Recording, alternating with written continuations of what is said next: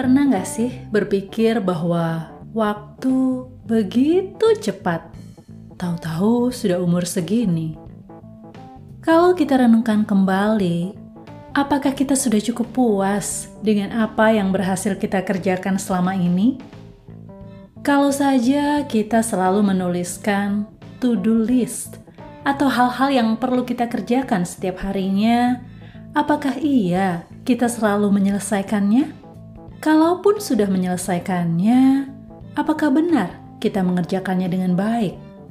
Ada banyak PR yang mesti kita kerjakan.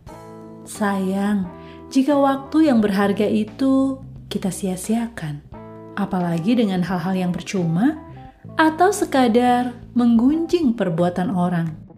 Kita punya tanggung jawab atas hidup masing-masing. Kerjakan dulu dengan benar